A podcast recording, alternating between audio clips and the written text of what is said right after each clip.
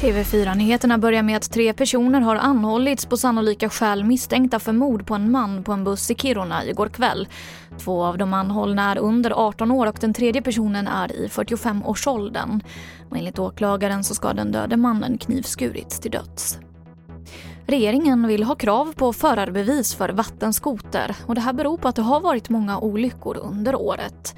Nu får Transportstyrelsen i uppdrag att ta fram ett förslag till förarbevis och obligatorisk utbildning för att få köra vattenskoter.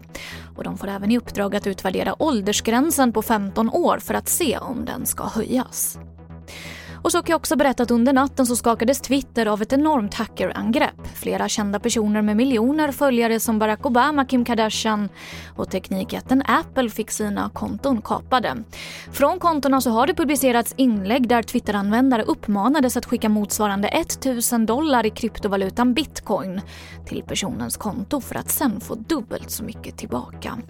Marcus Murray är IT-säkerhetsexpert. Jag tror vi kommer se mer av det här Eh, det är fortfarande idag lätt att ta sig in i en så här stor organisations IT-system på ett eller annat sätt.